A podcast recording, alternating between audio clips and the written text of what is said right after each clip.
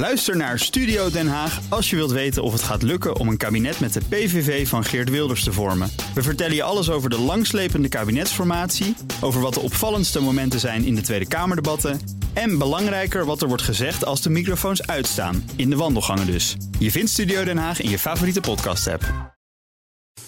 De column van Bernard Hammelburg. Na eindeloze voor- en nabeschouwingen over de G20 is er eigenlijk maar één conclusie. Ze moeten stoppen met al die G-topjes. Het zijn kunstmatige clubs die zelden verder komen dan vage vergezichten en clichématige slagen in de lucht. Tijd om afscheid te nemen van de G-dinges. Al heel lang heb je de G7, die bestaat uit werelds grootste economieën. Maar daar mag China niet bij, want toen de G7 werd bedacht, was China nog een derde wereldland.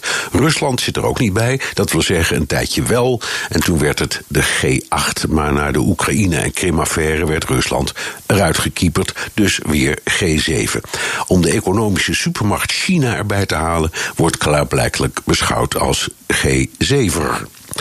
De G20 was bedoeld om aan het elitaire G7-groepje een aantal ontwikkelingslanden en opkomende markten toe te voegen. China en Rusland stonden wel op dat lijstje. Maar eigenlijk is de G20 de G19, want namens de Europese Unie schuift er ook een vertegenwoordiger aan.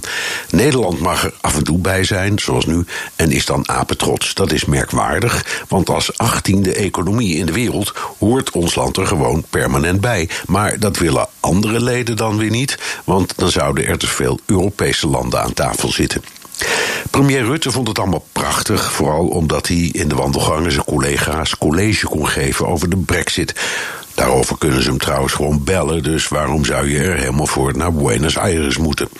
Maar over de bekende vage G-vergezichten hoor je Rutte gelukkig niet. Al proberen ze ons van alles en nog wat wijs te maken over wat er zoal is afgesproken. Deze G20 ging maar om één kwestie: de Amerikaans-Chinese handelsoorlog. En dus om het gesprek tussen Trump en Xi. Het was dus niets meer of minder dan een G2. En ook dat gesprek had net zo goed kunnen plaatsvinden in Beijing, Washington of van mijn part New Delhi.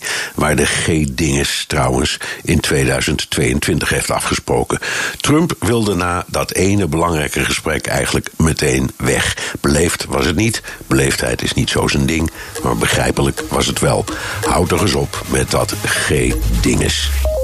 Buitenlandcommentator Bernard Handelburg op woensdag onze columnist. En u kunt zijn column terugluisteren op bnr.nl en in de BNR ook Diana Matroos vind je in de BNR-app. Ja, inderdaad. Je kunt live naar mij luisteren tijdens de Big Five. Ook handig in de BNR-app. Breaking nieuwsmeldingen, maar ook het allerlaatste zakelijke nieuws. En je vindt in de app alle BNR-podcasts, waaronder Wetenschap Vandaag. Download nu de gratis BNR-app en blijf scherp.